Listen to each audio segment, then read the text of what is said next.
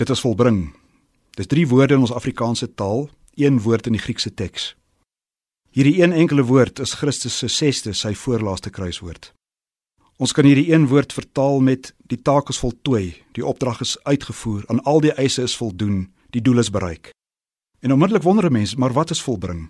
Watter opdrag moes uitgevoer word? Aan watter eise moes voldoen word? Wat is die doel wat bereik moes word? Dit beteken allereers die hele geskiedenis van die Ou Testament bereik met Christus se kruisdood te punt van voltooiing. Alles wat gedurende die Ou Testament gebeur het, wys heen en loop uit op hierdie oomblik in die geskiedenis. Christus kom om die gebeure van die Ou Testament vol te maak. Dit is volbring. Maar dit geld ook die wet van die Ou Testament. As 'n mens nie by die wet bly nie, as jy nie tot eer van God leef nie, sterf jy. Dit beteken dat ons almal eintlik die ewige dood moet sterf want niemand leef perfek by God se wet nie. Wat doen Christus aan die kruis?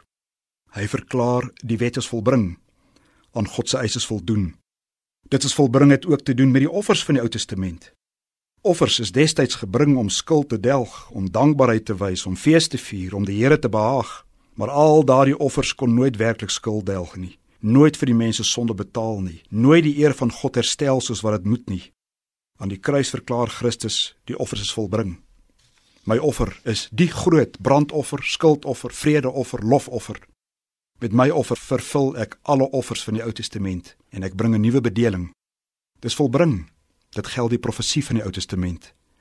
Baie profete het gedurende die Ou Testament geprofeteer van God se genade, ook sy oordeele. Hulle profeseë getuig van God se liefdevolle reg en van God se regverdige liefde. Op Golgotha verklaar Christus al daardie profeseë van die Ou Testament is volbring. Die ewige rus, die vrede waarvan die profete profeteer, het gekom.